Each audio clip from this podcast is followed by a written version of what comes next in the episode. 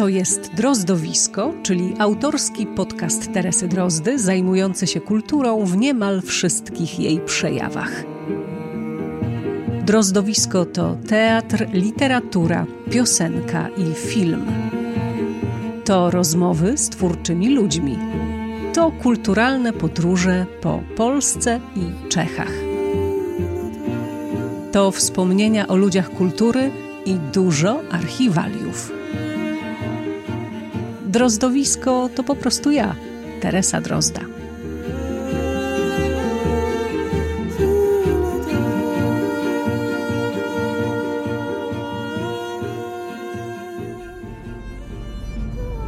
Jadę do Katowic, do Teatru Żelaznego, o którym nie tak dawno w Drozdowisku opowiadał Artur Barciś i mówił o e, spektaklu, jednym e, ze spektakli, które w tym teatrze wyreżyserował. Teatr obchodzi e, swoje dziesięciolecie, to znaczy na mapie kulturalnej Śląska istnieje od lat dziesięciu. Nie wiem, czy kiedykolwiek o nim słyszeliście, jeśli w Katowicach nie mieszkacie. No a ja marzę o tym, żeby Drozdowisku udało się od czasu do czasu z Warszawy wyjechać i żeby potrafiło Drozdowisko, czyli ja, spojrzeć na panoramę polskiej kultury, no właśnie, nie tylko z warszawskiej perspektywy. No więc jadę do Katowic. Jestem 70 metrów od teatru, teatru żelaznego, który mieści się w dawnym e, budynku kolejowym, na dawnej stacji kolejowej. E, I stanęłam przed e, zamkniętym szlabanem kolejowym, który mogę sobie na żądanie otworzyć, ale chyba jednak się wycofam mm, i zaparkuję gdzieś pod drzewami, a szlaban sobie po prostu przejdę na nogach. No to cofamy. Tam stoi jakiś samochód pod drzewami. Tu jest ślepa ulica. No więc spróbujmy w ten sposób to zrobić. Ok. W cieniu. Pod drzewkami. Zobaczymy, co z tego wynika.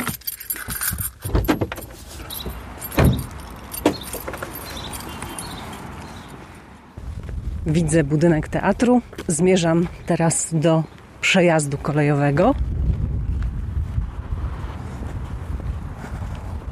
Przejście przez tory, strzeż się pociągu i moim oczom ukazuje się niewielka stacja kolejowa, która to stacja jest siedzibą Teatru Żelaznego w Katowicach. No to zmierzamy. Wejście jest od strony torów. To jest naprawdę budynek kolejowy, bo po prostu przede mną roztacza się widok na peron. Pusty peron, chyba nieczynny. No, zaraz się będę wszystkiego dowiadywać. Wchodzimy. Wiśniewski, zapraszam panią. Adam, niech pan prowadzi. Bardzo Nie, proszę, nie. na prawo i w prawo. Prawo to jest które? Prawo to jest y, to prawo po przeciwnej stronie serca. Proszę bardzo, zapraszam. Dziękuję, dzień dobry. Coś do picia? Z przyjemnością nie napiję się wody, tylko bez jakiegoś szaleństwa, chyba że pan będzie coś pił. No to wtedy, jak robi pan sobie kawę, to ja nie odmówię, ale jeśli nie, to nie. Rozumiem, czyli życzę sobie pani kawkę. Czarny, białą? Czarną. Czarną. Dobra. To już. Okej, czyli jakby prościutko się wchodzi na scenę, na widownię, tak? Tak. Czy w takim razie możemy zacząć od y, jakiegoś takiego krótkiego oprowadzenia po teatrze? Oczywiście, krótkiego. Bo teatr mały, tak? Tak jest, dokładnie tak. Składa się z jednej serii teatralnej, e, sceny e, małego, małego albo szerokiego korytarza, foyer, toalety i garderoby, plus kawiarnia. Y, W kawiarni byliśmy y, i wychodzimy z niej. Ona ma okna na peron, tak? Tak jest. Peron, który y, odprowadza pociągi do Raciborza. Czyli przejeżdżają tu pociągi. Regularnie, namiętnie, always, wiecznie. A przeszkadzają w czasie e, spektaklu? Słychać je? Słychać, czy przeszkadzają e, różnie tak naprawdę. Bywa tak, że człowiek tak się i zapatrzy od, od strony widza, zapatrzy się w spektakl, a i, a i e, aktor tak zapadnie w rolę, że nikt nagle nie zauważył, że w ogóle tu jeździły jakieś pociągi. No ale jak jedzie taki towarowy 40 wagonów i jedzie dwie minuty i to z łubu łubudu, no to, no to wszyscy mają takie, no kiedy jak przejedzie. Wywożą nasz węgiel do Rosji, no to słychać. Ale czekajcie, ale to kto ma wtedy, że kiedy przejedzie? Widzowie czy raczej aktorzy na scenie? Ja, ja będąc na scenie absolutnie mam takie... Ale widzę, że, on, że, że widz jest skupiony, że słucha, że nikt, nie ma żadnego rozproszenia. Ale mnie już zaczyna to czasami denerwować. Mam takie, kurczę, muszę głośniej mówić, bo jeździ pociąg. Więc tak człowiek się no, wybija czasami. Potrafi być, potrafi być, albo na przykład przejeżdżają, bo za tą ścianą Aha. pociąg przejeżdża koło budynku 50 centymetrów od ściany zewnętrznej, nie? Więc ten, no jest to, potrafi być inwazyjne i czasem jeszcze potrafi zatrąbić tak, taką tubą po prostu strzewi tej lokomotywy. No i wtedy to jest po prostu przerażające. Nie? Ale pytam czasami widzów właśnie, czy im przeszkadzają pociągi, to najczęściej mówią, że albo, że w ogóle ich nie słyszeli, albo że, e, że, po, że, wręcz tworzy to klimat tego miejsca i że oni uwielbiają to, że te pociągi tu przejeżdżają, że je słychać.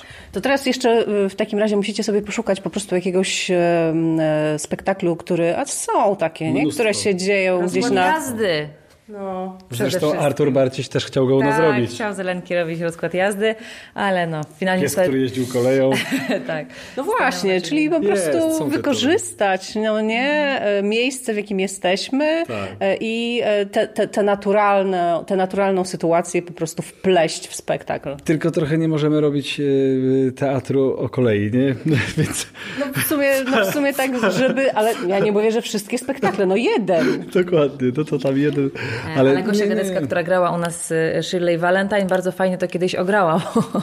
E, przejeżdżał akurat pociąg. No miała początek spektaklu, no wiadomo, Shirley Valentine, czyli y, o, o Kobita kobietce, tak, mieszkająca gdzie ona w Londynie, tak? Czy, Nie, czy, w Manchester. W Manchester. Słyszy, nagle zatrzymała się, gra, gra, gra, mówi do tej ściany, mówi do tej ściany, nagle się zatrzymała a, i pociąg przejeżdżał, dała mu przejechać i tak do ściany, czyli do widzów, spóźniony z Manchesteru.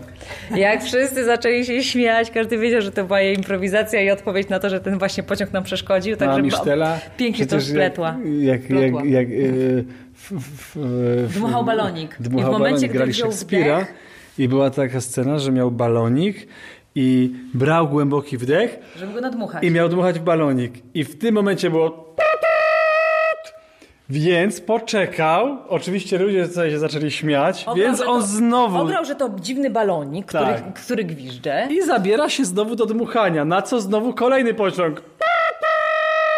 Więc on znowu ogrywa tę sytuację, mówi dobra, do trzech razy sztuka. Trzeci raz się bierze do dmuchania, a tu Także to była brawura. Widzowie, widzowie nie uwierzyli w to, co się wydarzyło. ze śmiechu wtedy. No, ale no to po prostu wspaniałe jest. Tak. Dobra, to słuchajcie, usiądziemy sobie jednak na widowni, nie mamy na nią daleko, e, bo e, mieliśmy rozmawiać w kawiarni, ale na widowni tak. jednak będzie po prostu lepsza akustyka. Zapraszam Państwa jakoś tak, e, o tak, właśnie tak będzie dobrze, że Marta tutaj bliżej mnie, a Piotr tam dalej. To teraz witam Państwa oficjalnie. Marta Marzęcka-Wiśniewska. Piotr Wiśniewski. Jesteśmy w Teatrze Żelaznym w Katowicach, e, miejscu, które wymyśliliście i stworzyliście, bo co? Bo brakowało wam przestrzeni e, w teatrze repertuarowym, czy w ogóle jakoś inaczej to wszystko było? Złośliwi by powiedzieli, że nie mieliśmy roboty. nie, śmiejemy się oczywiście. Tak po prawdzie to, to Piotr jest założycielem teatru. Ja tutaj trafiłam, kiedy już szukał aktorki i został ogłoszony casting do jednego ze spektakli. E, ja tak trafiłam tutaj i, i już zostałam, a faktycznie byłam w swoim takim, e, na takim etapie życia, kiedy właśnie byłam na etacie. E, pół roku wcześniej złożyłam wypowiedzenie, miałam być już tylko do końca sezonu, no i chciałam się włóczyć po teatrach i, i szukać absolutnie nowych wrażeń, współpracować z nowymi zespołami i chciałam, chciałam podróżować, jeździć po to, żebym miała kontakt no, z różnymi artystami artystami, żeby nie siedzieć w jednym zespole. E, tego chciałam. Tak trafiłam tutaj, e, no i ponieważ... I się skończyło. I się, sko i, I się skończyło i niby tak, ale z drugiej strony nie, ponieważ tak naprawdę teraz prowadząc e, e, z Piotrem teatr, to cały czas nam się zmieniają ludzi, z którymi współpracujemy, tylko że to cudowna sytuacja, to my o tym decydujemy. Mhm. Więc lepiej. Ale rozumiem, że zostałaś tutaj dlatego, bo spojrzeliście sobie w oczy. Tak było, dokładnie, tak. Teatr w tym roku obchodzi e, dziesięciolecie, w tym w 2021 roku obchodzi dziesięciolecie. Obchodów jubileuszu nie będzie. Mm, dlatego że pandemia wszystko zepsuła. Miały być, y, miały być bardzo huczne i, i, i miało gruchnąć, no ale niestety mm, to, co się wydarzyło podczas pandemii nas tak wyhamowało z całą działalnością, że mm, no, musimy to przełożyć, po prostu świętowanie tego dziesięciolecia i w ogóle tego, że, że, że jesteśmy i żyjemy po pandemii. Bo tu muszę, okazji do świętowania jest znacznie więcej, no, byliśmy bliscy rozpoczęcia budowy naszej dużej siedziby, ale e, całe szczęście nie podpisaliśmy e, umowy kredytowej, bo byśmy pewnie teraz e, dzięko piszczeli. No ale, ale sprawa jest w toku i jeżeli dojdzie do tego, to chcielibyśmy w, w nowej siedzibie obchodzić to święto i bardzo ciężko teraz właśnie nad tym pracujemy, żeby to się miało prawo wydarzyć. To jeszcze do tego dojdziemy, bo to jest zupełnie dla mnie nowa informacja że chcecie tutaj się stąd wynosić z tego cudownego miejsca, o którym już tutaj e, tyle pięknych anegdot opowiedzieliśmy, no ale wróćmy do tych początków. Skąd się wziął e, Teatr Żelazny? Teatr Żelazny wziął się tak na dobrą sprawę z braku pokory Piotra Wiśniewskiego, bo to e, ja się przyznaję, że no nie miałem, bardzo krótko miałem pracodawcę w swoim życiu i ja się po prostu nie nadaję do, do, do, do bycia zarządzanym i, i, i, i, pracować pod kimś. Tak więc y, wyobrażając sobie pracę gdziekolwiek, muszę sobie to miejsce pracy po prostu stworzyć. Mm, no i z teatrem właśnie tak było. Ja mm, w Szkocji kończyłem szkołę y, i jak się naoglądałem tego Fringe Festiwalu i tego miasta, które jest stolicą y, światową teatru. Mówię o Edynburgu, tak jest. To jest, to jest miejsce, które mm, o Jezus, przepiękne miejsce. Polecam każdemu, kto, kto, kto chciałby trochę, trochę pozwiedzać, po, po, pobyć w Szkocji i, i, i w ogóle poznać teatr mm, dogłębnie, to to jest miejsce stworzone do tego. E, I po prostu natchniony tym Fringe Festiwalem pomyślałem sobie, że Katowice, z których ja się wywodzę, są idealnym miejscem do tego, żeby teatr stworzyć po prostu. Dlatego, że jedynym, a właściwie jedynymi teatrami prywatnymi, małymi, z klimatem niepowtarzalnym i zrobionym z potrzeby y, z serca, no to był teatr Kores Najnerta, no i, i, i teatr Gry i Ludzie mm, w Dąbrówce Małej, też na dworcu. Mm, I mówię, idealne miejsce, to jest wielkie miasto, ogromna aglomeracja. Ja mówię, przecież tutaj brakuje takich miejsc. E, I tak naprawdę to był główny powód, mm, dlaczego ten teatr postanowiłem otworzyć. I lubię wyzwania, lubię trudności, lubię, lubię mm, wszystkie takie e, działania, które nie mają prawa powodzenia. A teatr trochę w moim mniemaniu takim mm, takim, takim przedsięwzięciem był. No i wszyscy dookoła mnie w tym utwierdzali po co stary, wpakujesz się w kłopoty, po co ci te długi i tak dalej, i tak dalej. Ale dlaczego od razu od długach? Dlaczego od, od długów się ma zaczynać teatr? E, no bo jest to jakiś rodzaj inwestycji ogromnej. E, tutaj w ten budynek wpakowaliśmy ponad 600 tysięcy, żeby miał prawo zaistnieć w takim minimalnym wymiarze, w jakim, w jakim funkcjonuje. Także pewnie o to chodziło. E, niemniej jednak, niemniej jednak no, dla mnie to było duże wyzwanie. Pewnie nie zdawałem sobie sprawy z konsekwencji pomysłu, i, i tego, jak, jak tak naprawdę buduje się teatr, co to w ogóle jest za instytucja, jak się ją prowadzi, jakimi prawami się rządzi. Ja też nie znałem branży, nie znałem w, w polskich realiów teatru, także to był taki, taki skok y, w, na bungee, ale to nie był pierwszy skok na bungee, który w swoim życiu popełniłem, także y, nie bałem się tego w ogóle. E, no i uważam, że to był świetny pomysł, e, ale to był początek po prostu. Chciałem mieć swoją scenę, chciałem mieć swoje miejsce, które, które, które sobie będę prowadził po swojemu. No ale e, przystępowałeś do tego projektu mając w głowie jakiś zamysł repertuarowy, czy po prostu tylko taka myśl, za mało jest teatru w Katowicach, trzeba poszerzyć to spektrum? Przede wszystkim miałem pojęcie, jak wyglądają polskie teatry. Nie? I jak ja bym chciał, żeby wyglądał mój. Ja od, od samego początku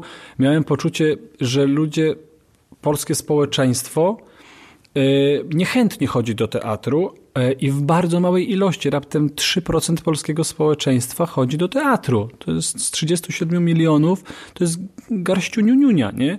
Ja sobie pomyślałem, że to jakieś ma powody No i zacząłem się zastanawiać i mówię, no tak, no przecież jeżeli przychodzi widz, siada na widowni, patrzy na scenę, potem się zaczyna zastanawiać, zadaje sobie pytanie, co on to widział, po czym przychodzi kurtyna, wszystko znika i on dalej z tym za znakiem zapytania w głowie wychodzi stamtąd. Nie może tego skonfrontować, nie może tego obmacać, obwąchać, polizać i nie wie, co z tym zrobić. Ja pomyślałem, ten teatr dzisiaj powinien wyglądać zupełnie inaczej.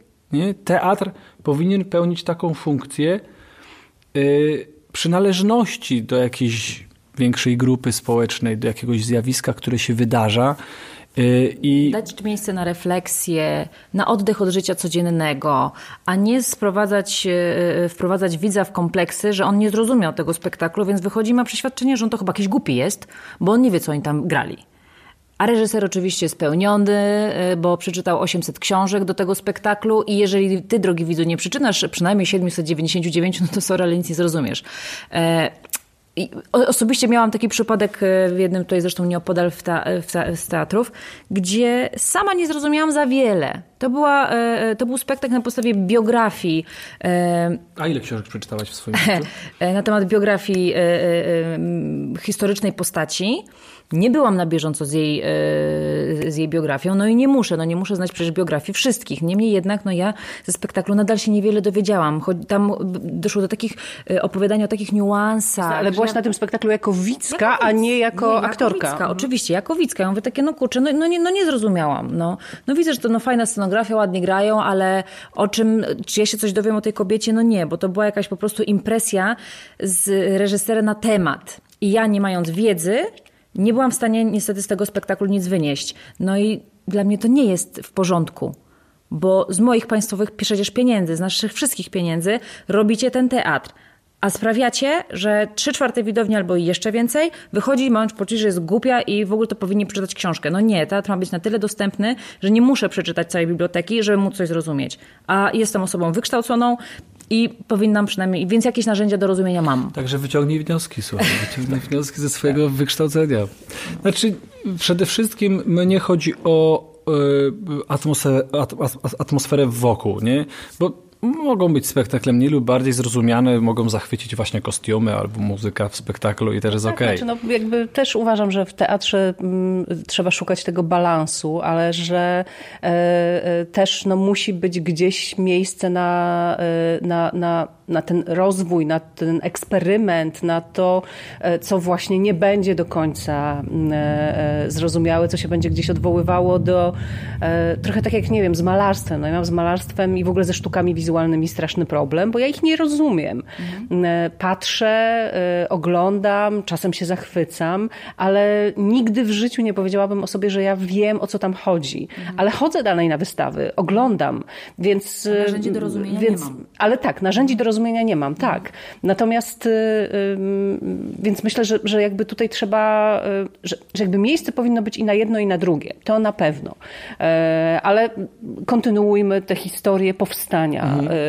tak, żelaznego. Dla mnie też... Natomiast to jest bardzo ważne, o czym mówimy i, i, i pięknie o tym opowiadacie. Mm, dla mnie atmosfera też jest szalenie istotna. To, że przyjeżdża tutaj 40 tysięcy osób i byłbym skłonny zaryzykować, że 80% osób miały ze mną kontakt przynajmniej wzrokowy. Bo Mówisz ja o 40 tysiącach widzów, którzy rocznie, rocznie którzy, którzy się przewijają tak, przez, przez waszą widownię. widownię. Tak jest, tak jest. Powiedziałem jak kogoś zabi... Nie, nie zrozumiałem? Nie powiedziałeś słowa rocznie. A, rozumiem, rozumiem, rozumiem. Po prostu ja uwielbiam być wśród tych ludzi, lubię z nimi spędzać czas. Każdy spektakl rozpoczynam przywitaniem tych, tych widzów. Rozmawiam z nimi, kwadrans, czasem 30 minut. Jak długo wytrzymają. E, przed spektaklem czy po? Przed spektaklem. A aktorzy już tam chrząkają w kulisach, skończ już, bo chcemy grać. Tak, tak, tak. Ja, ja, ja lubię to, że jestem y, z nimi blisko, że aktorzy wychodzą do tych ludzi, że idą do toalety, mijając widownię, czasem po spektaklu rozmawiając z nią. To jest, to jest przyjemny, przyjem, przy, przyjemny kontakt. Y, ja jestem z tych, którzy uważają, że y, spektakl teatralny jest produktem, a widz jest klientem po prostu. I dla I to mnie... jest przywiezione z Edynburga, to przeświadczenie? Myślę, że jak najbardziej. Tak, tak. Myślę, że jak najbardziej, zwłaszcza po spektaklu Król Lew, który utkwił mi w pamięci bardzo, bardzo mocno i głęboko. Spektakl był podzielony dwiema przerwami, na których wszyscy widzowie poszli po piwo, poszli po chipsy, kupili szalenie drogie maskotki Króla Lwa, broszury, maski, bryloczki i finalnie teatr zarobił na biletach, ale jestem skłonny matematycznym mózgiem ogarnąć, że dwa razy więcej zarobił na gadżetach. Nie? I jest okej, okay, bo Yy, bo, bo dlaczego jedno ma się wykluczać nie? przez drugie. I dla mnie to, to, to, to, to, to tak wygląda. I w moim obowiązku jest, żeby widz, który do nas przychodzi, yy, otrzymał to, po co tutaj przyszedł. Po łzy, po radość, mm, po refleksję, po zapytanie, na które nie znajdzie odpowiedzi, bądź pytania, na które znajdzie każdą odpowiedź. Po prostu oni tutaj przychodzą w jakimś konkretnym celu i chciałbym im to dostarczyć i na razie się udaje i, i to był główny pomysł na teatr. Być blisko widza i, i, i powodować, że y, teatr od rana do wieczora jest pełny ludzi. To, był, to, to była główna idea fix. Nie jaki będzie repertuar, nie jaki będzie kolor foteli, kolor ścian i mm, kto będzie tutaj pracował, tylko żeby tutaj było pełno ludzi, żeby ci ludzie wypełniali teatr sobą always. Nie? Tym bardziej, że na początku teatr nie miał przecież swojego repertuaru, e, więc repertuar był stworzony ze spektakli przyjezdnych, z, ze studentów, którzy kończyli e, swoje e, szkoły, ze spektakli dyplomowych, które często po prostu idą w odstawkę zaraz po premierze. A są to bardzo fajne, wartościowe rzeczy, których nie ma tak naprawdę gdzie pokazywać. I z tego na początku Żelazny, zanim zaczął produkować swoje rzeczy, tworzył swój repertuar, bo podstawą było Oczywiście, no najważniejsze jest to, co zobaczymy na scenie, ale tak jak mówi Piotr, wy, mm, wypracowanie e, tego klimatu i, i, tego, że lubimy tutaj przychodzić, razem siedzieć, bo też był bar, więc, więc i po spektaklach ci ludzie zostawali i artyści się dołączali. Więc taką po prostu, no taką bohemę katowicką e, gdzieś tam się powoli zaczęło tworzyć. E, I to to chodziło. Więc ten repertuar nie był jeszcze żelaznego, po prostu był stworzony z tego, żeby po prostu wszyscy tu chcieli być i żeby było fajnie. A czy spektakl się uda, czy się spodoba, to już trochę drugorzędna. Fajnie, że jesteśmy razem. Mhm. Tak. No dobrze, e, bo też e, na początku nie, nie byliście tutaj, nie byliście tutaj na tej stacji kolejowej, na której my dzisiaj siedzimy. Teatr działał gdzie indziej. W, w takiej, w tej fazie takiej totalnie początkowej e, to byliśmy w Domu Kultury na ulicy Markiewki. To był świetnie wyremontowany budynek i dobudowany mm, obiekt przy Miejskim Domu Kultury. Nowoczesna scena, świetny sprzęt, piękne miejsce. E, I w pierwszej fazie tam rozpoczęliśmy swoje działania. No niemniej jednak to zawsze miejsce czyjeś, trzeba się podporządkować, a ja mam z tym ogromny problem. Także. jak już powiedzieliśmy. Jak już to... powiedzieliśmy, y, to, to, to, to jest kłopot. Pytanie no, się. Sprzątaczka ci przychodzi o 18 i mówi, musicie wyjść, bo ja muszę posprzątać, no to kiepsko robić teatr, nie? A my tam w ferworze walki nad maskami, dekoracjami i yy, yy, bójką na temat pomysłów, które mają wejść do spektaklu. Także no to, to, to, to było mało komfortowe. Oczywiście jestem wdzięczny za ten czas i za to, że w ogóle mogliśmy tam, tam być i że te pierwsze kroki tam mogliśmy stawiać. To było, to było, to było na pewno bardzo cudowne i, i, i fajne doświadczenie. Niemniej jednak no, brak pokory i mój charakter wygrał. E, I, i, I po prostu zacząłem szukać miejsca, które jesteśmy w stanie sobie wynająć i zaadaptować pod, pod, pod scenę, więc finalnie trafiliśmy do Ligoty, też dworzec PKP w Ligocie, bo ja jestem z Ligoty po prostu, mm, ze Starówki. Także, a właściwie to była granica między Starówką a Brenowem. Idealnie pomiędzy moim blokiem a sąsiadującym przebiega granica topograficzna tych dwóch dzielnic. Mów dalej. Ale jestem z tego dumny. Także po prostu mm, Ligota wydawa, wydawa, wydawała mi się być idealnym miejscem. Dworzec właśnie popadał w ruinę, mm, był pusty. Ja mówię, kurczę, no total miejsce, total miejsce. Piękny taki modernistyczny obiekt. Kupimy go, przebudujemy, zrobimy piękny, wielki teatr. No i wszystko byłoby pięknie, gdyby nie to, że PKP no nie zdawało sobie sprawy z tego, że dostaną pieniądze na remont, a właściwie zdawali sobie sprawę z tego, że chcą te pieniądze dostać, ale zapomnieli mnie poinformować o tym, że to się ma prawo wydarzyć.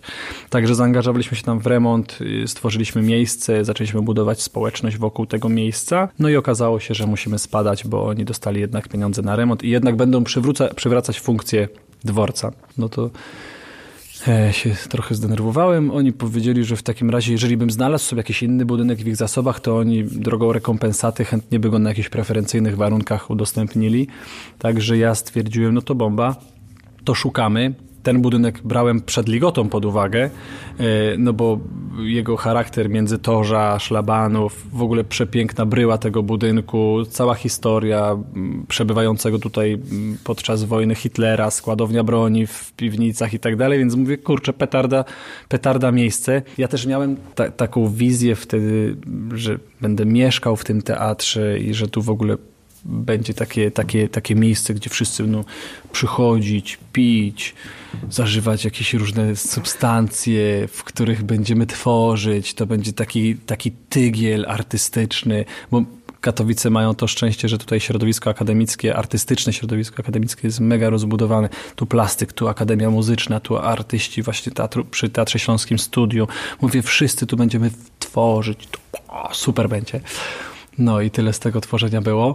Także yy, yy, pomyślałem sobie, że to, ta, to całe miejsce, ogrom tych 550 metrów, parkingi, to wszystko spowoduje, że to będzie genialne. Skrafi to superlaka na ścianie, które jest i tutaj, i było w Ligocie. Mówię, genialne miejsce. No i wynajęliśmy je od, od, od, od, od PKP, zaczęliśmy remontować i przystosowywać. Mhm. Ja tylko chciałam wtrącić, że ten budynek w Piotrowicach, który, którym obecnie jesteśmy, a który wtedy Piotr wybrał, e, było absolutną ruiną przeznaczoną do rozbiórki. Więc no wszyscy wiemy, jak wyglądają takie e, budynki. No to jest po prostu tragedia, wszystko jest zabite e, dechami, w środku e, byli bezdomni, to był jakiś skłot, w piwnicy setki zalęgniętych szczurów, generalnie dzielnicowe wysypisko śmieci, od pampersów, pampersów przez strzykawki i wszystko tylko, co można było sobie... W, te ile ton gru, śmieci wywiozłeś? 127 ton śmieci i gruzu. No. no, więc y, gdybym ja wtedy Piotra znała, położyłabym się na torach i powiedziała, że nie wstanę do dopóki nie zmieni zdania co do, co do wyboru budynku. No nie no, stan był agonalny, bo on był faktycznie przeznaczony do budynku. Budynek, tutaj pierwsze piętro było dwukrotnie podpalone, więc więźba była wypalona, dziura w dachu, y, schody były rozebrane, bo to mm, na opał pokradli to, wszystkie instalacje były wybebeszone, budynek był po, po tym pożarze był zalewany przez deszcze, przez śniegi, więc to był stan naprawdę taki no, krytyczny tego obiektu. Y, nie było, nie było posadzek, wszystkie rury z centralnego ogrzewania były wyrwane ze ścian, wykute z, z podtynków y, cementowych, także no, no, no budynek był naprawdę w stanie agonalnym. Y, co też sprzyjało po prostu możliwościom adaptacyjnym. Można było zrobić wszystko, że tak powiem. Y, dzięki temu, dzięki temu można było tu zamurować, tutaj podkuć, tutaj wymienić, tam wstawić. I, I, nie było szkody. Jakby budynek był w pięknym stanie, no to szkoda byłoby go ruszać i tam gdzieś się zastanawiać nad jakąś poważną demolką. A dzięki temu po prostu można było wziąć młot, majzel, i napierniczać, no co tu dużo gadać. Także, także to, to, to miało jakieś swoje pozytywy. Oczywiście naprawdę też okolica była zapuszczona od trawy, te, te śmieci, te gruzy, to wszystko, więc to trzeba było totalnie z każdej strony odgruzować. To nie było takiego miejsca, które by się idealnie nadawało, bo wszystko było po prostu do zrobienia. No ale dzięki temu, że było w takim stanie, no to też PKP nam dało preferencyjną stawkę I, i, e, no i było pole do popisu po prostu, no, że można się było trochę wyżyć w tym obiekcie, także, także kupiłem kielnie, kalfas, no i się nauczyłem murować. Także, także, także no takie, były, takie były początki siedzibowe, że tak powiem. A potem no to cała, cała, cała, cała robota wokół budynku, z tym, że no ja wyznając, wyznając zasadę, że w każdym przedsięwzięciu ważny jest kalkulator, no to też y, zacząłem tutaj liczyć, że jak ja poświęcę dwa lata na remont, no bo nie było pieniędzy na firmę budowlaną e, i na zrobienie tego remontu w pół roku, e, tylko no, postanowiłem wykorzystać swoje jakieś umiejętności i, i, i robić ten remont niemalże w pojedynkę. no to musiałem szybko stworzyć jakiś koncept grania w tej ruinie, nie? jakoś pożenić tak, żeby kurczę, no nie trzeba było tego zaczynać za pół roku albo za rok, tylko już teraz, nie? A budynek naprawdę nie był przyjemny, nie? Także. Z, I, I, co? Nie było ogrzewania, nie było toalet, a spektakl był, nie? Znaczy nie było nic, no, nie było nic. Tutaj były dziury. Nie, nie, nie, było, nie, było, nie było okien, nie było drzwi. Tutaj. W, no, no, tutaj, tutaj są zdjęcia, które pokazują, jak ten budynek wyglądał, nie? Mogę nawet zresztą pokazać żebyśmy wiedzieli w ogóle o czym gadamy, nie? To jest miejsce, to jest miejsce. To jest scena, to jest tak? scena, nie? To jest scena. To już jest taki trochę ujarzmiony. To jest, to jest stan budynku. Posprzątany przed przyjściem. Trochę już posprzątany przed, przed, przed przyjściem, nie? No ale to jest, to jest scena, nie? Także warunki były straszne. Wtedy uważałem, że są niezłe. Wtedy uważałem, że są niezłe, Dzisiaj, jak patrzę na te zdjęcia, no to uważam, że widzowie byli równie szurnięci co ja. Bo przychodzili, tutaj, tak? Bo przychodzili. Tak, znaczy tak, no bo biorąc pod uwagę ten cały rozpizień, który tutaj istniał, e, no to pomyślałem sobie, że zrobimy taki kamuflaż, Y, wykorzystamy folię budowlaną czarną, zakryjemy wszystkie ściany tą, tą, tą folią, obkleimy to duct tape'em plus takerem, to przymocujemy jakoś, wysprzątamy ten gruz, który spada na ziemię i wymyjemy y, y, podłogi, bo tu był gumolit, tutaj trochę kafle, więc tam przykryliśmy to gumolitem, no i, no i, no i zrobimy taki anturaż artystycznego nieładu, nie? No i to się udało. Udało Dobra, się. I, i, I, jaki tutaj pierwszy był spektakl grany? To był jakiś Ciało monodram, obce. czy... Monodram. Tak, monodram, mój monodram. Mhm. Ciało obce na podstawie prozy Rafała Ziemkiewicza. No i muszę przyznać, że na premierze było tyle ludzi, nie wiem, czy prawo budowlane zezwala na coś takiego, ale było tyle ludzi, że tu, gdzie są teraz te okna, to tam były postawione palety i takie krzesła hokerowe, to ludzie stali, żeby cokolwiek widzieć, co się dzieje na scenie. Nie? Tyle było ludzi. E, jak ja to zobaczyłem, to byłem w ciężkim szoku, bo naprawdę tutaj był full, total full. Ludzie byli w ścisku i to było mega przyjemne, dlatego że ogólnie no, te początki teatru były bardzo trudne, me, mega ciężkie, bo musiałem robić remont. Jeszcze w międzyczasie prowadziłem firmę, którą musiałem podjąć decyzję zamknąć, żeby się poświęcić w pełni teatrowi, więc to tak praca, no nawet czasami po 23 godziny na dobę, nie? 22 godziny, różnie, ale no snu nie było. E, nie było czasu na ten sen i, i, i no tak trochę remont, trochę, trochę widzowie, nie? Odklejałem te folie, robiłem coś, ale na wieczór już musiałem zakleić te folie, nie? No i taka partyzantka przez dwa lata na okręta, nie? żeby to się miało prawo wydarzyć. W którym momencie tutaj dołączyłaś? E, w jakim stanie zobaczyłaś ten budynek, Marta? No, w bardzo złym, absolutnie w bardzo złym. To. No.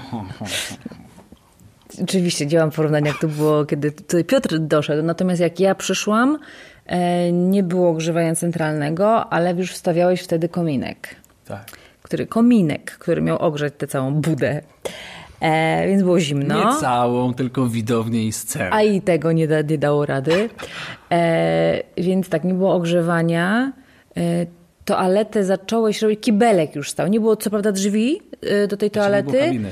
Nie było kabiny tam, ale zawiesił taką szmatkę, żeby tam jeden drugiemu nie patrzył. E, także, także już sedes stał, bo nawet nie nazwę tego toaletą ani łazienką. Sedes był tak. zamontowany. E, umywalka nie. Nie, stały mokre chusteczki. E, żeby znaczy mokre jak mokre, one wysychały dosyć szybko. Bo nikt nie zamykał opakowania, tak. No, no scena to nie była taka jak teraz, y, y, ile ona ma teraz? 9 tak naprawdę na 9, ile? 6, 9 na 6. 6, podwyższona. Wtedy miała ile? 2 na 3, taki, taki 10. No przede wszystkim tutaj stała ściana, nie? To nie, jak ja przyszłam, to już ściany nie było. Aha, jak ty byłaś, to nie było. A, bo, bo, bo tutaj była ściana 14 metrów. Widownia była, z, składała się z krzeseł, z, ze zbieraniny tak naprawdę krzeseł właśnie. 40 sztuk. Tak, każdy, każdy, każdy z innej parafii. E, no i tak, kawiarni nie było w ogóle. Znaczy to, to budynek był wyłączony z użytku publiczności. Publiczność, my i publiczność e, mogła wejść tylko do tej części przez tamte drzwi. I potem, bo na początku nie było w ogóle toalety przez rok, dopiero potem zrobiłem tam toaletę. Tak to wchodzili. Tutaj to wszędzie były folie budowlane i zakaz wstępu. Więc mogli wchodzić tylko tu i tylko stąd wyjść. I nic więcej. Tak, jak przyjechałam tutaj właśnie na casting, e, no to po pierwsze ciężko było oczywiście trafić, no bo nawigacja przecież nie wie, to jest teatr żelazny. E, I jak już... Teraz już wie. Teraz mhm. już wie, jak już, jak już, ale jak wreszcie zobaczyłam, mówię, kurde, mówię, to chyba ta rudera.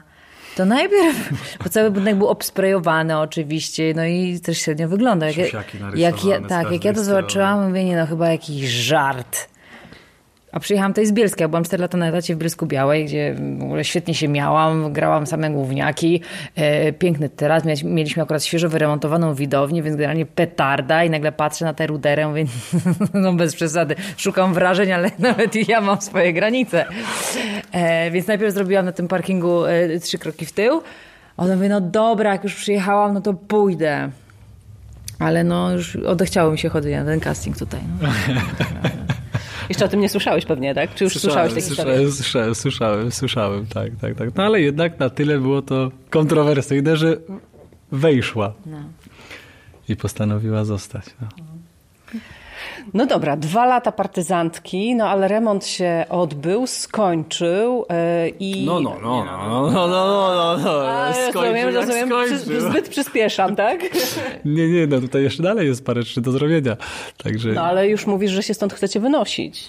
Znaczy chcemy jak chcemy, PKP znowu nas po prostu wydymało yy, najnormalniej w świecie i, i zmienili totalnie pomysły i niestety okazuje się, że mieli bardzo poważne plany względem tego terenu, o których my nie wiedzieliśmy i nie byli łaskawi nam tego po prostu powiedzieć. Także to nie jest tak. My chcieliśmy ten budynek odkupić, wszystkie prace w tym kierunku zmierzały. Zakupiliśmy działkę po drugiej stronie y, w celu y, komfortowych warunków naszych widzów, stworzenia im parkingów.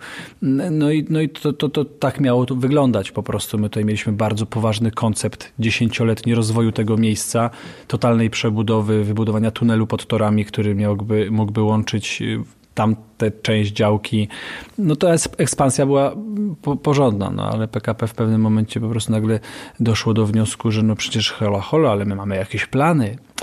No i sprawa się rypła, zmieniły się władze w PKP i tak dalej. No i niestety kolejny raz zostaliśmy przez PKP postawieni przed faktem mm, stracenia kolejnego budynku. I teraz już postanowiliśmy, że, że przenosimy. Znaczy, ja to postanowiłem już parę lat temu, ale mm, postanowiłem po prostu już, już więcej nie wynajmować, nie, nie, nie, nie bawić się w tego typu rzeczy, bo za każdym razem niestety czynnik ludzki zawodzi. E, budujemy po prostu swoją siedzibę albo no, wszystko na to wskazuje, no już dokumenty załatwiamy, ale może jeszcze się wydarzyć, że, że bo kolejny, kolej, kolejny mój pomysł jest dalej kompromisem między jednym a drugim. E, i oczywiście będziemy właścicielami, wybudujemy sobie, ale rozmiary nowej widowni i nowego budynku dalej trochę pozostawiają do życzenia. No, ja bym chciał mieć duży kompleks, duży, duży, a tutaj mamy trochę małe pole gruntowe i musimy, musimy sobie zawęzić trochę pomysły. No oczywiście po tym jak sąsiedzi gdzieś tam będą odsprzedawali kolejne działki, no to możemy się rozbudowywać, ale na tym etapie to ciągle jest jakiś rodzaj kompromisu, nie? Jasne, ale też rozumiem, że e, to już jakoś jest zaplanowane, że już wiecie, kiedy tutaj przestaniecie grać. Dwa lata. Dwa lata mamy na to, żeby tutaj zakończyć, zakończyć działalność. E, także czasu jest bardzo niewiele i bardzo intensywnie pracujemy już od kilku miesięcy nad tym, żeby, żeby sobie poszukać tego nowego miejsca. Już złożyliśmy wniosek o warunki zabudowy, już robimy uzgodnienia, już mamy projekt y, obiektu. No, wszystko jest w toku. Wszystko jest w toku. Też jakieś tory będą blisko? Nie. Nie, żadnych torów. Nie, nie żadnych torów. Już, już nie, już, już, już, już mam dość torów. Już y, pan y, Kneflowy, który obsługuje rogatki do, wpuszczające nas na plac, plus y, wszystkie batalie i trąbiący y, idiotycznie maszyniści, którzy E, nie liczą się z tym, że ten budynek funkcjonuje, już mi zaszły za skórę. Na początku, przez parę pierwszych lat byłem bardzo entuzjastycznie nastawiony do tego i widziałem w tym wielką frajdę e, i, i, i, i cieszyło mnie ta nie, cieszyła mnie ta nietypowość i wyjątkowość miejsca. Dzisiaj PKP y, już y, spowodowało tyle złych emocji i tyle przykrości, kosztów i udręki, że już kolei y, nie chcę słyszeć. Już nie chcę w ogóle mm, widzieć torów i pociągów. Ja już nawet nie jeżdżę pociągami. Tak jak wcześniej wsiadałem w pociąg, jechałem do centrum 7 y, minut y, z dumą, tak dzisiaj nawet nie wchodzę do pociągów. Po prostu nie chcę, nie chcę słyszeć w ogóle o tej spółce Skarbu Państwa. Nawet jesteśmy w trakcie pisania dokumentu na temat, na, temat, na temat polskich kolei, bo to, co się dzieje w tym kraju i to, co się dzieje w tej spółce, to jest temat naprawdę na świetny film. To jest kolejna rzecz jak górnictwo, y, jak stocznie, y, no i wiele innych rzeczy, które y, są poruszane w naszym, w naszym kraju. Naprawdę można zrobić z tego fajną perełkę dokumentalną. Widzicie, ja się spodziewałam, że będziemy rozmawiać o tych sprawach takich e, stricte artystycznych, o spektaklach, które tutaj e, można oglądać, ale żegluje nasza rozmowa w zupełnie inną stronę i też nie mniej fascynującą. E, to znaczy w taką opowieść o wizji, o determinacji, o, o jakimś spełnianiu, trochę spełnianiu marzeń, a trochę właśnie takim bardzo realnym chodzeniu po ziemi. Niesamowicie właściwie mi się to podoba. A gdzie w tym wszystkim są właśnie te wasze artystyczne ambicje? Znaczy, na ile one są też jakimś kompromisem albo wypadkową, a na ile się rzeczywiście mm, e, spełniacie artystycznie w tym, co możecie e, tutaj na scenie tego swojego teatru robić. E, na Martę patrzę, ona zacznie. Ja tylko pokrótce, ja tylko mały wtręcik chcę powiedzieć. Dlatego mówimy o tych wszystkich rzeczach, ponieważ Teatr Żelazny to nie jest tylko scena i to nie są tylko właśnie działania i spełnianie się artystyczne, dlatego że ja stąpam twardo po ziemi i dla mnie teatr również jest e, formą biznesu i ze względu na to, że my z Martą mamy te, to szczęście, niebywałe szczęście, i umiejętność zajmowania się wszystkim dookoła. Y, mm, po prostu potrafimy ogarnąć tę budę w całości mm, od strony y, merytorycznej, dokumentacyjnej, finansowej, administracyjnej, administracyjnej wszystko po trochu i dlatego i, i, i mało tego, my się tym szczycimy i sprawia nam to ogromną frajdę. To, że ja remontowałem ten obiekt, to, że mam pojęcie o budowlance i, i, i o wykończeniówce, o meblarstwie, o wielu innych rzeczach, powoduje, że my się spełniamy tutaj na dużo większej ilości pól niż tylko na polu artystycznym. To jest art, art, sztuka, a, a ten świat artystyczny jest w ogóle naszą częścią, tylko że my jesteśmy tak trochę na połowę. I te wszystkie rzeczy to jest ten dar, który mamy mm, skądś tam, że możemy te wszystkie rzeczy dotknąć po kolei. I to jest mega, to, to jest fascynujące, że nie musimy nikogo prosić o to czy o tamto, nie musimy się tego uczyć, tylko po prostu możemy sobie to właśnie. Dzięki temu teatr może funkcjonować w tym wymiarze i może się rozwijać. I czy mamy 100-osobową widownię, czy mamy 350-osobową widownię, to wszystko jesteśmy w stanie together po prostu zrobić, nie? No tak, myślę, że dla nas nie tyle. Yy nie ograniczamy naszego spełnienia się do spełniania się artystycznie to, czy my jesteśmy spełnieni w życiu, dotyka dużo szerszego pola, aniżeli tylko i wyłącznie sceny. E, jeżeli chodzi o spełnienie artystyczne, jak najbardziej. My gramy w czym chcemy, e, reżyserujemy, piszemy również sztuki i nigdy bym tego nie zrobiła, gdybym była gdzieś kiedyś na etacie. Myślałam o tym zawsze, ale jakoś nie było okazji. A nagle się okazało, słuchaj, no mam taki, taki pomysł. Jeden, on mi coś podsunął, ja coś napisałam, potem razem to zaczęliśmy rozwijać i, e, i, i super się udało udało, ale to byłoby za mało w moim, nie wiem, myślę, że w Piotra życiu również. E, gdyby, nawet gdybyśmy mogli e, tylko do tego ograniczyć swoją działalność, gdybyśmy w cudzysłowie nie musieli zajmować się administracją, zatrudnianiem technicznego, e, tym, że trzeba zrobić remont w garderobie i, i w ogóle jak to wszystko tam rozplanować, żeby każdy mógł znaleźć kostium i tak dalej. No, no wszystkim my naprawdę się tutaj zajmujemy, absolutnie wszystkim. Z części rzeczy oczywiście jesteśmy już zwolnieni, no bo jednak mamy dziewczyny, które stoją w kawiarni, jest osoba, która, mm, nie wiem, montuje nam dekoracje, kto obsługuje spektakle, kto przedziera bilety. Z biegiem lat oczywiście tego jest coraz więcej, tych osób, które pomagają, ale nie ma e, niczego, nad czym my nie mielibyśmy kontroli, albo co nie zostanie najpierw zatwierdzone przez nas. I dla mnie to jest cudownym spełnieniem, że samo prowadzenie teatru ze wszystkimi jego działkami sprawia, że ja jestem szczęśliwa i spełniona, a nie tylko to, co e, widz widzi na scenie. To jest koniec tej historii, to co widz tu widzi. A nasze życie składa się z prowadzenia tego teatru, które ma tyle gałęzi, e, że no, jest sporo, jest sporo. Wiecie, bo ja to sobie wyobrażam oczywiście w taki mega prosty sposób. Gdzieś tutaj się coś dzieje, jest jakaś awaria, e, trzeba e, nad czymś zapanować, ugasić jakiś pożar, ale zbliża się dziewiętnasta i za chwilę musisz wyjść na scenę w roli. I po prostu na ile prawie, że z biegu, przechodząc z jednego pomieszczenia tutaj e, w drugie, e, da się to zrobić i da się to zrobić bez utraty e, tego poziomu artystycznego. Takich przykładów i przypadków, kiedy coś się rzeczywiście wydarzało i trzeba było bardzo coś interweniować jako właściciel teatru, a za chwileczkę wyjść na scenę, było na szczęście bardzo mało. Mhm. Staramy się zawsze dopinać wszystko na ostatni guzik, tak żeby jednak ta higiena pracy aktora, kiedy wychodzi na scenę skupiony i i, i, odgrywa swoją rolę najlepiej jak potrafi, żeby, tego, żeby, to, żeby to było absolutnie zachowane. Chyba nie było takich przypadków, że tuż pożar jakiś gasimy tuż przed spektaklem. Zdarzało nam się na spektaklu gasić pożar. E, kiedy na przykład wysiadł cały prąd na peronie, no i rzeczywiście spektakl musiał zostać przerwany. Ale musiał, po prostu. Przerwany był. Niemniej, no bo nie było prądu, a już byliśmy przez 10 minut do końca, a komedia intrygi, więc wszyscy chcą wiedzieć, jak to się skończy. No i e, w ciągu, nie wiem, trzech minut zorganizowaliśmy całą stertę e, latarek, świeczek i wszystkiego.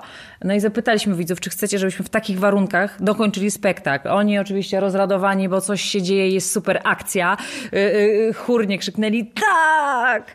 No i tak właśnie dograliśmy spektakl. No i do dziś wspominają, a my byliśmy na tym spektaklu, co prąd zgasł. się najbardziej z tego tego cieszą. I to jest po prostu elita naszych widzów, jeżeli oni byli na tym spektaklu, na którym zgasł prąd.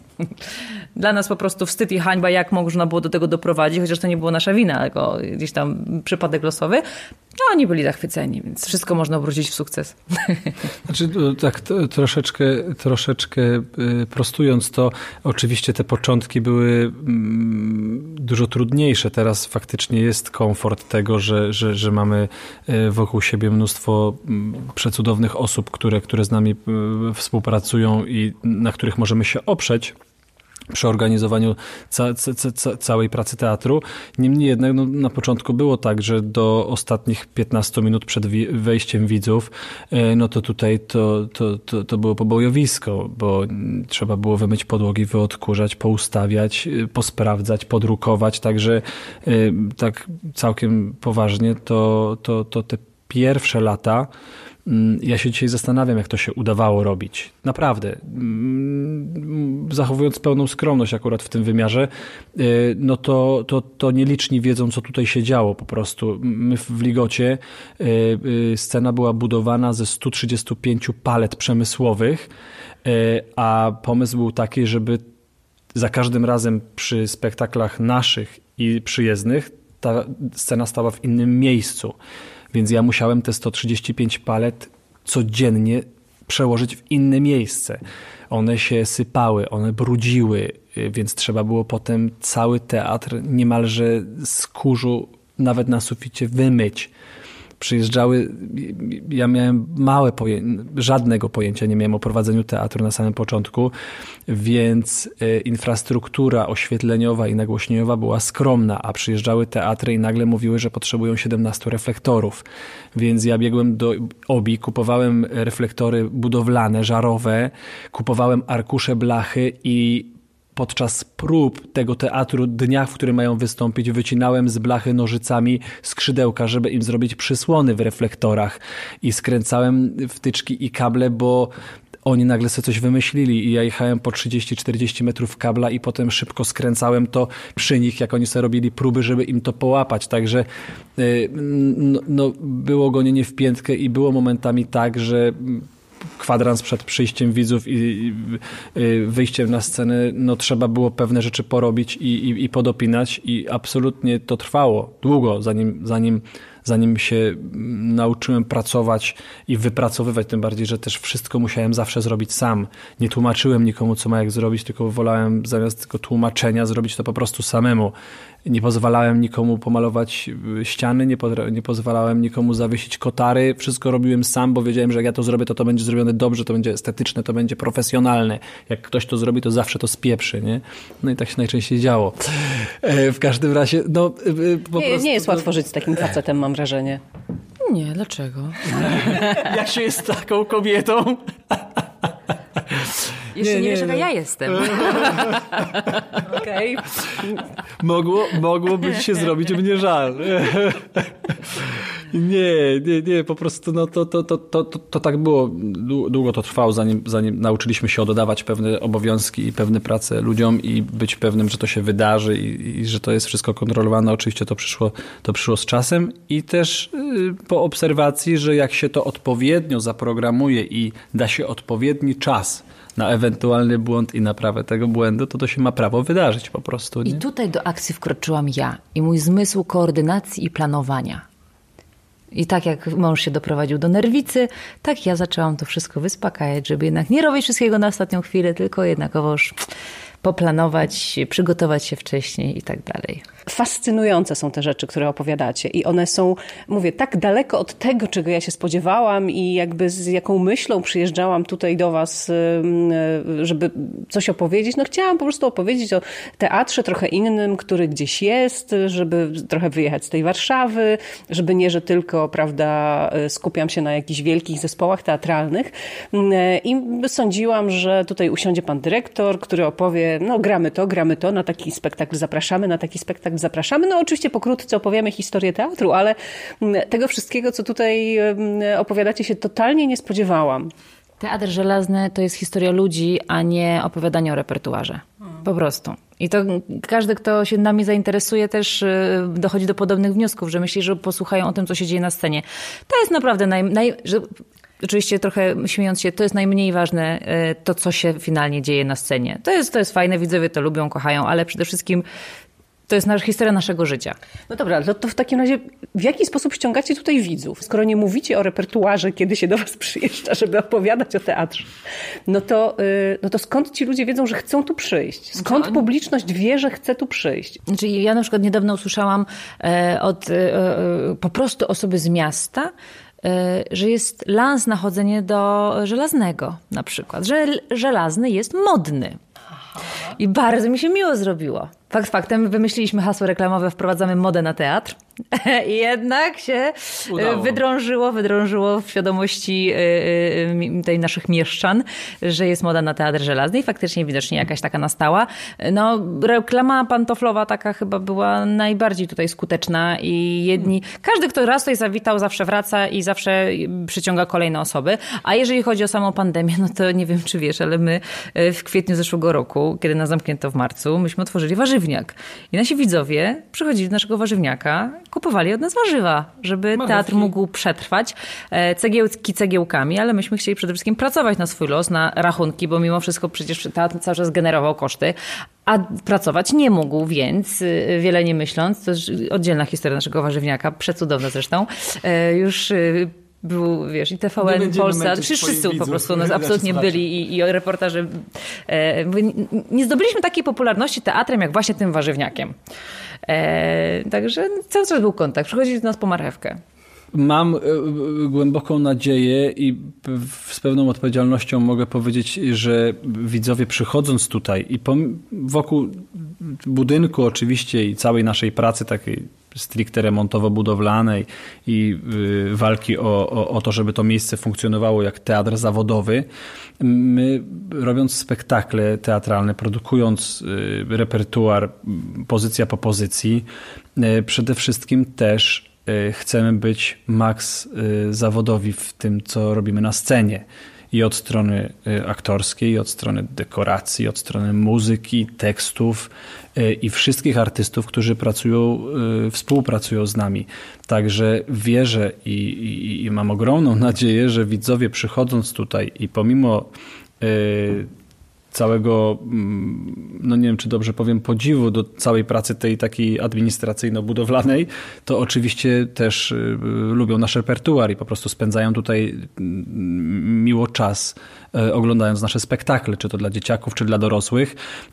Oczywiście teraz mamy więcej pozycji takich, które bawią, ale było też kilka pozycji, które, które, które mówiło o jakichś gorzkich, gorzkich sytuacjach życiowych i różnych problemach.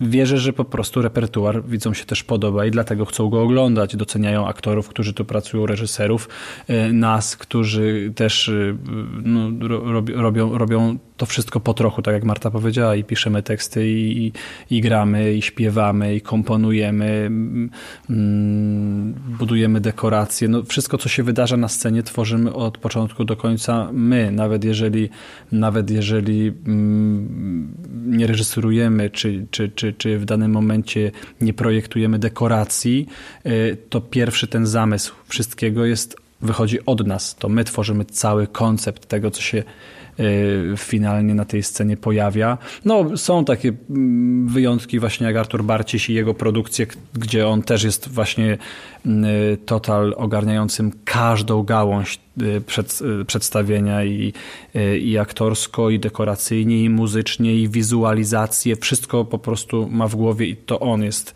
twórcą całości, więc tutaj są, są, są wyjątki, ale ogólnie rzecz biorąc, no, wierzę, że widzowie przychodzą tutaj przeżyć po jakiekolwiek emocje, które sobie życzą przeżyć i oni je dostają i dlatego wracają i dlatego polecają nas innym. E, więc na pewno to, na pewno poczta pantoflowa powoduje, że ludzie sobie nawzajem przekazują dobre, do, dobre zdanie o naszym miejscu, ale też jak powiedziałem, no, my bardzo skrupulatnie podchodzimy do tego, żeby widza tutaj ściągnąć, żeby go tu zwabić i żeby jednak w ofercie, którą człowiek dostaje od dzisiejszego świata, e, wirtualnego i rzeczywistego, żebyśmy byli pomiędzy mm, graniem w bilarda, kręgle, wyjazdu do Energylandii, e, e, żeby jednak ta pozycja nasza, repertuarowa też się tutaj znalazła i budowanie strategii reklamowo-promocyjnej, zastanawianie się i sprawdzanie i wydanie mnóstwo e, pieniędzy na to, żeby dojść do pewnych e, wniosków i znalezienie tych dróg, które działają na naszego widza, to też są lata, lata pracy i, i, i samo konstruowanie postów, fotografii zachęcających, jakichś haseł reklamowych.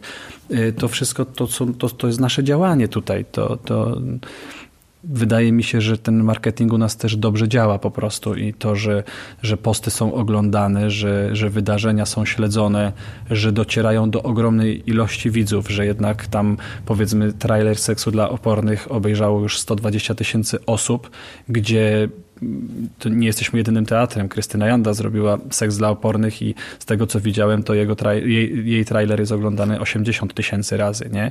Także dla nas to jest też duży powód do dumy, że wiadomo, że słowo seks w tytule przyciąga różnych użytkowników internetu i, i, i pewnie ta ogromna liczba przekłada się nie, nie, tylko i wyłącznie na fanów teatru. Niemniej jednak my nad tym też pracujemy. My siedzimy w biurze i pracujemy wiele godzin, żeby wynaleźć te metody, żeby skonstruować reklamę, która u nas zadziała i przede wszystkim wydajemy na nią pieniądze i i robimy to nagminnie, żeby, żeby, żeby po prostu widz się dowiedział o nas. Ja nie tak, zapomnę. No najważniejsze jest to, żeby widz wiedział, że istniejecie. Dokładnie tak. Ja pamiętam od samego początku istnienia teatru drukowałem wielkie plakaty, no bo wszyscy informują świat o wydarzeniach artystycznych plakatami, więc ja drukowałem plakaty, które są okrutnie drogie.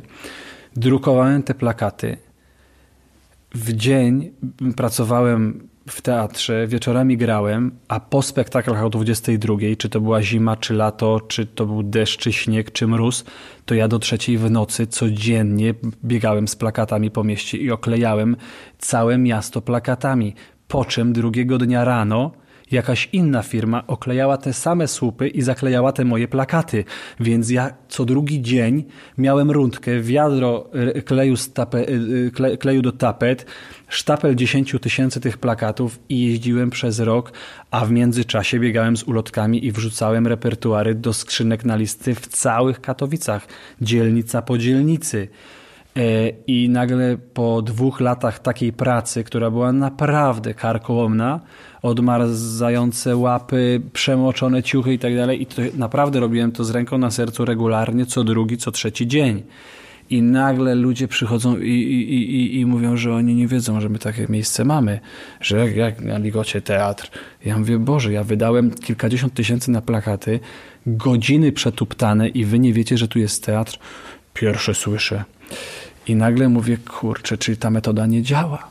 Okazuje się, że te plakaty to wcale nie jest klucz do sukcesu że trzeba się przeprosić z internetem, że trzeba kupić reklamę w radiu, że trzeba kupić artykuł w gazecie, że to wszystko są zupełnie inne pieniądze, że to wszystko trzeba napisać, do tego trzeba stworzyć grafikę, to trzeba zweryfikować. Jak to zweryfikować, jak się nie ma o tym pojęcia? Ludzie, którzy się tym zajmują zawodowo, biorą za to ogromne pieniądze i tak dalej, i tak dalej, i tak dalej. Bazy mailingowe, to trzeba kupić adresy, a to kilkadziesiąt tysięcy, a to ja nie wiedziałem, a to nie można jakoś inaczej, a to nie można gdzieś tego ukraść, nie można ręcznie. Można wysłać? I nagle można. się okazuje, że ja o tym wszystkim nie mam pojęcia że Marta o tym nie ma pojęcia, że tego się trzeba nauczyć, że to trzeba poznać, a na to są lata studiów, a do tego jest tytuł magisterski. Łola Boga, to może... Więc tej roboty jest tak dużo, której się trzeba nauczyć, wiedzy, którą trzeba posiąść i błędów, które trzeba popełnić i pieniędzy, które na to trzeba wydać i stracić te pieniądze, żeby dojść do wniosku, aha, to to wszystko to był błąd, teraz trzeba inaczej. I tego po prostu szczęśliwie z Martą się nauczyliśmy, poświęcając całe swoje życie właśnie temu, żeby potem, jak graliśmy spektakle, gdzie było dwóch widzów, pięciu, 17, a bilety kosztowały 12 zł, więc pieniędzy z działalności teatru nie było. Ja nie pisałem grantów. My się nie staraliśmy o pieniądze zewnętrzne, dlatego że ich nie chcieliśmy, bo my nie chcieliśmy potem, żeby ktoś nam powiedział, ale hola, hola, ja ci dałem pieniądze, to dlaczego ty grasz taki brzydki tytuł? Ty musisz zmienić tytuł i zagrać jakiś inny. Więc my od razu powiedzieliśmy, że jeżeli to miejsce ma istnieć, to musi być opłacalne. Żeby było opłacalne, Trzeba teraz wymyślić koncept, koncept biznesowy, żeby to się miało prawo wydarzyć. Więc teraz po 10 latach, niemalże 11, widzowie to nasze miejsce lubią, podziwiają, doceniają i dzięki temu udało się, udało się przetrwać też pandemię. Było bardzo ciężko na początku. E, znaczy, na, na, samym początku nie było ciężko, bo jeszcze były oszczędności. Potem, jak już się oszczędności skończyły, to zaczęło się robić ciężko. E, ale zaczęły na, na, wpłynęły pieniądze na Patronate, zaczęły wpływać wpłaty takie prywatnych osób e, na konto teatru, które po prostu wiedziały, że muszą nas wesprzeć i, i, i zaczęły wpłacać jakieś tam kwoty. E, byłem pod warzywniakiem, gościu do mnie podbiega, daje mi stówę do ręki, bo ja nie będę robił przelewów, bo ja się na tym nie znam. Macie tu, żebyście przeżyli. Poklepał mnie, poleciał, nie? Także nagle się okazało, że ta dziesięcioletnia praca y, przyniosła ogromne efekty i nawet nie zdając sobie sprawy, no bo na co dzień my jesteśmy zajęci jednak tą pracą artystyczną, jednak y, nie możemy się doczekać, jak o 19 przyjdzie 100 y, osób, zasiądzie na widowni, obejrzy, jednak ten świat artystyczny i całe życie artystyczne teatru pochłania nas najbardziej, spełnia nam, sprawia nam największą frajdę, bawienie tych widzów i wzruszanie ich, i jak szlochają, jak patrzą po prostu, czy ta kobieta jednak umrze, czy jednak nie umrze i trzymają kciuki, żeby nie umarła, ona i tak umiera, więc płaczą, pła, pła, płaczą że umarła.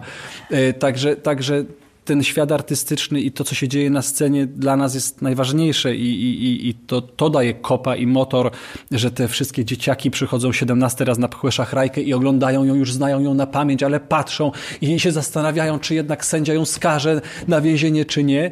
Więc to jest genialne i to daje kopa takiego totalnego, żeby, żeby tworzyć, mm, ale, ale, ale to te wszystkie lata pracy udowodniły, że jednak widzowie to wszystko w całości, bo to, to jest to. Ta cała energia, która tu krąży i która się wymienia między widownią, sceną, kawiarnią, schodami, y, to to powoduje, że ci ludzie po prostu doceniają to miejsce, chcą tu przychodzić, polecają, kupują sobie bilety na urodziny, y, wykupują całą widownię i spędzają z nami czas, albo po prostu wysyłają 1500 zł i mówią macie, bo nie możecie przecież y, paść ofiarą pandemii, musicie przetrwać, bo my czekamy na kolejne bilety i na kolejne spektakle i na kolejne premiery i, i, i, i chcemy z wami być. Nie? Także, także to, jest, to jest dowód na to, że ludzie w całości po prostu teatr żelazny kupują i, i chcą spędzać z nami szczęśliwie te, te, te, te chwile i przysyłają swoje dzieci na warsztaty, sami przychodzą, bo teraz mamy cały cykl warsztatów y, aktorskich no, te wszystkie działania po prostu działają. No. I dzięki temu i my działamy. I to jest piękna puenta, myślę, lepszej nie będzie. Yy, może jeszcze dodam tylko tyle, że tak, no, yy, ja wam 1500 nie przeleję na konto, ale yy, po tym spotkaniu, mm, które tutaj dzisiaj odbyliśmy, mm, na które powtórzę kolejny raz, przyjechałam z zupełnie, naprawdę zupełnie innym nastawieniem.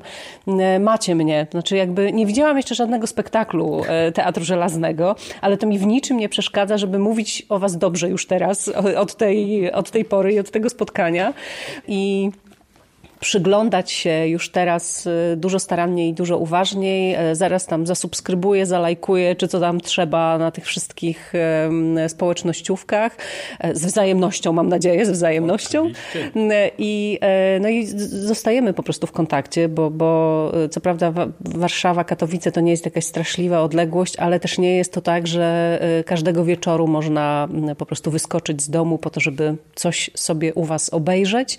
Niemniej obiecuję, że na pewno pewno e, e, na coś przyjadę w dającej się przewidzieć przyszłości i bardzo, bardzo Wam dziękuję za, mm, za to spotkanie, za tę opowieść, e, za tę pasję, która mam nadzieję się tutaj zarejestrowała. Marta i Piotr Wiśniewscy, szefowie, prowadzący, pomysłodawcy, nie, no po prostu ludzie, którzy tworzą Teatr Żelazny w Katowicach. Dzięki Wam wielkie. Ślicznie dziękujemy. dziękujemy. I tak się kończy moja wizyta w Teatrze Żelaznym. No to było naprawdę niesamowite spotkanie i mam nadzieję, że i dla Was ta rozmowa, to spotkanie, ten cały materiał będzie na tyle inspirujący, żeby przynajmniej zwrócić uwagę na e, takie miejsce jak to i zwracać uwagę na podobne tego rodzaju miejsca, bo one chyba są w całej Polsce, tylko że wrócę do tej warszawskiej perspektywy. E, nie zawsze je dostrzegamy, e, a czasem nawet nie dostrzegamy ich wtedy, kiedy mamy je po drugiej stronie torów. Trzymajcie się, do usłyszenia. Jeśli podobał Ci się ten podcast, postaw mi kawę albo zostań jego patronem na dłużej. Odpowiednie linki znajdziesz w opisie. Oprawa muzyczna Dorota Barowa pod tytułem Drozdowisko. Jestem na YouTubie, Spotify'u, Google Podcasts i innych platformach. Polecam się też na Facebooku, Instagramie i w serwisie strefapiosenki.pl. Każdej z tych internetowych dróg możesz użyć, żeby się do mnie odezwać. Teresa Drozda, dziękuję, do usłyszenia.